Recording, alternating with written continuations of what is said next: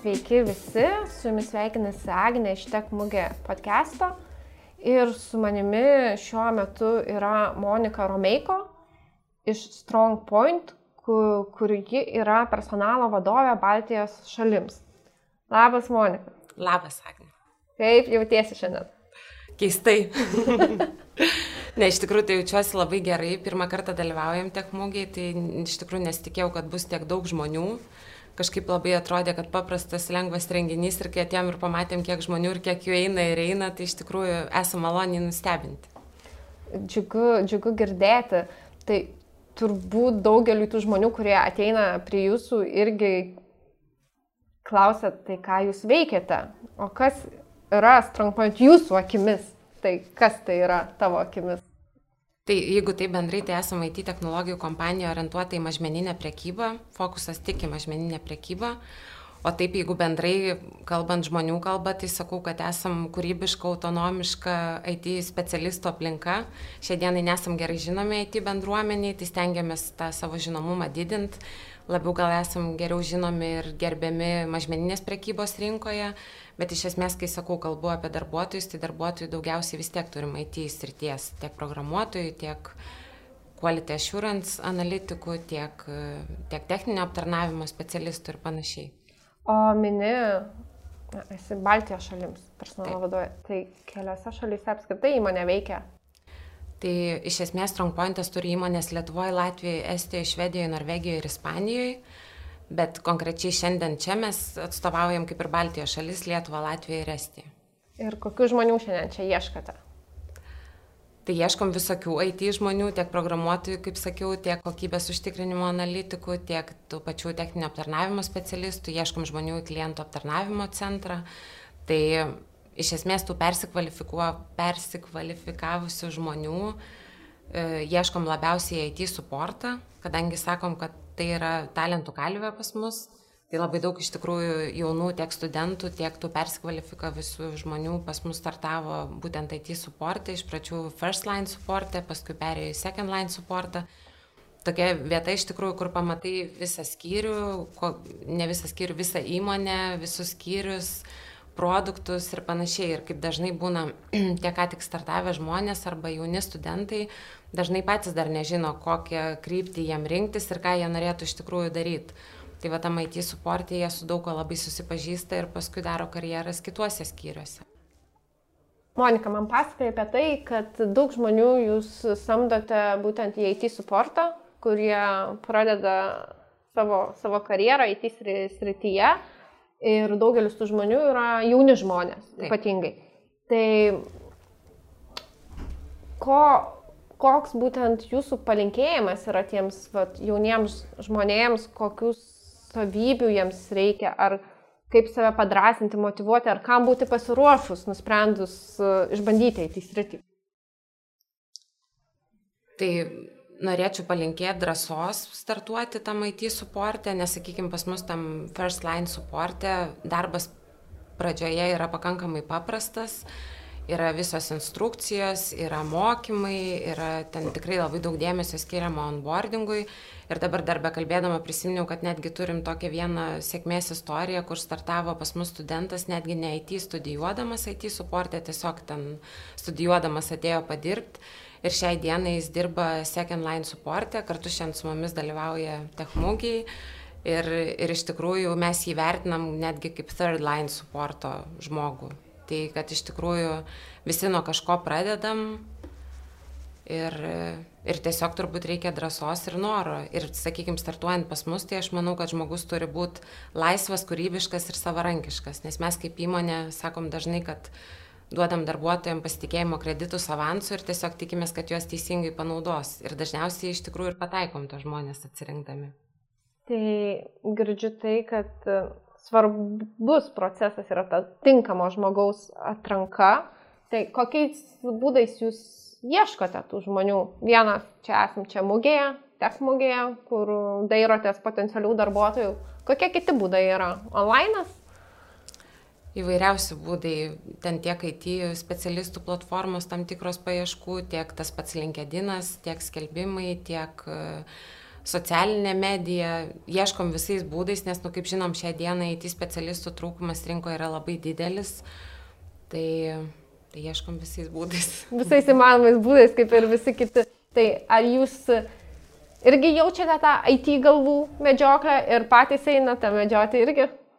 Taip jaučiam tikrai ir samdom ir atrankų įmonės, kad padėtų mums toj medžiokliai, bet iš esmės aš gal pati neišskirčiau, kad labai trūksta būtent IT žmonių, nes manau, kad rinkoje apskritai yra darbuotojų labai didelis trūkumas ir ta visa pandemija labai nustebino iš tikrųjų, kai žmonės bijojo turbūt ten netek darbų ir kas, kas dabar atsitiks ir ką matom šią dieną į rinkoje, kiek kalbuosi su kitais personalo vadovais, tai visų specialistų labai stipriai trūksta.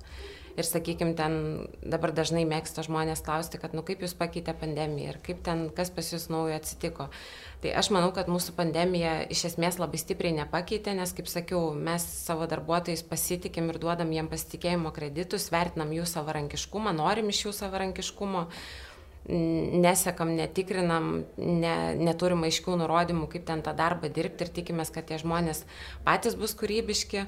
Tai sakykime, ten tas nuotolinis darbas nebuvo kažkas neįprasta pas mus ir mes visą laiką leidom žmonėm rinktis, ar jie nori dirbti nuotoliu, ar jie nori dirbti ofise.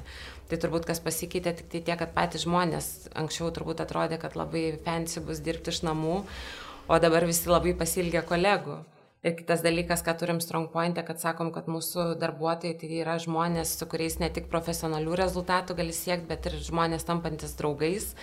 Tai, tai tas labai draugiškumas gal sustiprėjo per pandemiją. Palėtė labai aktualią iš tiesų, iš tiesų temą apie darbą namuose ir darbo namuose balansą su gyvenimu namuose kaip pačiai sekėsi atrasti tą balansą, o galbūt jau buvai įpratusi to, tokiam darbo metodui? Aš pati esu labai socialus žmogus, gal ne visai sociopatė, bet jau netoli to. tai mane pandemija paveikė labai stipriai ir aš labai blogai jaučiausi, kad reikėjo išeiti dirbti iš namų, nes visą laiką maniau, kad aš esu tokia, kur aš negaliu dirbti iš namų, nes aš tokia labai, sakau, sociali, aktyvi ir panašiai. Ir galvau, kad bus ir ten ir nepatogu, ir tų žmonių, kad labai trūks, nu tai tų žmonių aišku labai trūko, bet dirbti supratau, kad šiaip produktyvesnė aš netgi namie pasidarau, negu kad dirbdama ofise. O ir to balanso labai ieškojom ir sakau, pati blogai jaučiausi, tai ir labai galvojau, kaip jaučiasi mūsų žmonės išėję dirbti iš namų ir kad ir, ten, kad ir koks esi intravertas, nu bet tas socialinė distancija turbūt visus mus labai paveikia. Tai ką mes darėm Strong Point ir kas man pačiai tikrai ir labai padėjo ir aš labai tikėjau, tai turėjom žingsnių iššūkį, toks pakankamai gal ir banalus ir daug kas dabar čia žingsniavo, nes ką mhm. daugiau veikti buvo galima per pandemiją, bet mes pasidarėm žingsnių iššūkį trijų mėnesių, siekiam visi kartu apeiti Žemės rutulį, kas yra apie 50 milijonų žingsnių, tai gavosi, kad apėjom beveik du kartus. Ir labai buvo žmonės įsitraukę į, į tą žingsnių iššūkį. Ir labai faina buvo tas, kad tikrai visi žinom, kad judėti yra sveika ir men, mental well-being ir panašiai, bet kitas dalykas, kad iš tikrųjų labai žmonės, kaip čia pasakyti, įsijautė į tas varžybas ir tiesiog buvo priversti atsikelt nuo darbo stalo, nes mes ėjom per pietus, mes darėmės tam tikrus ten susitikimus, organizavomės online'inius, kai tu žingsniuoji ir kalbėsi, vadovų susirinkimai dažnai vykdavo, kai mes eidavom pasivaikščioti tuo pačiu metu, tai, nu, kažkaip labai darbuotojai tą vertino ir pati sakau, labai atradau, susidraugavau su žiema pirmą kartą šiemet. tai ieškojate, ieškojate būdų, kaip, kaip išgyventi, tą, atrasti tą balansą. O kaip, um, kokiais metodais, būdais, keliais um, įtraukėte į komandą naujus žmonės? Kad jie kuo greičiau pajustų jūsų dvasę, pajustų, nežinau, žingsnių pro, programas, ar jūs turite kažkokią specialią naujų darbuotojų prieimimo programą?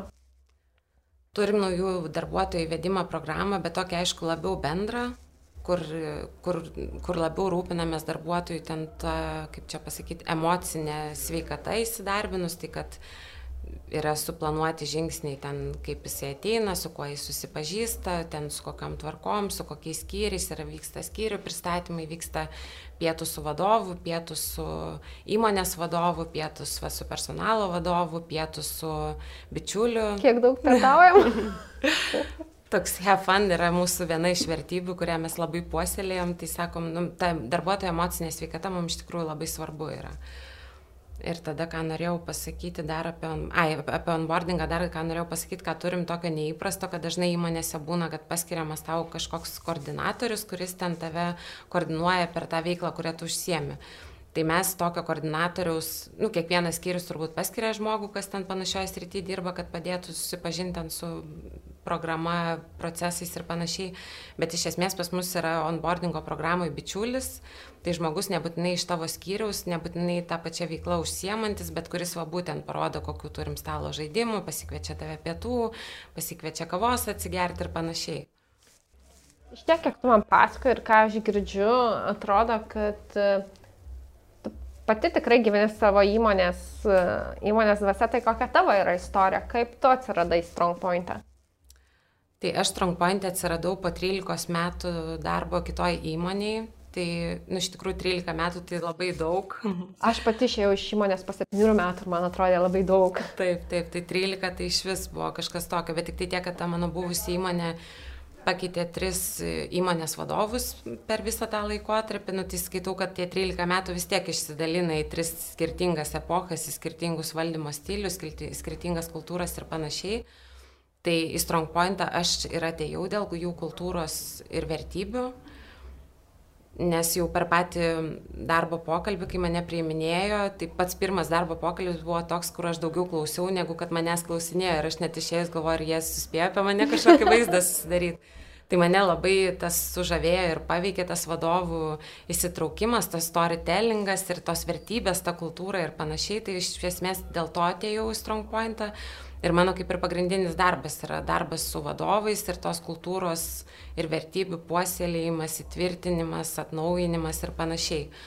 Tai taip mane suviliojo ir tą aš čia radau ir tuo labai džiaugiuosi ir tuo gyvenu ir dėl to visas employer brandingas, kuriuo dabar užsiemam, tai yra nu, dalykas, kuriuo aš labai tikiu.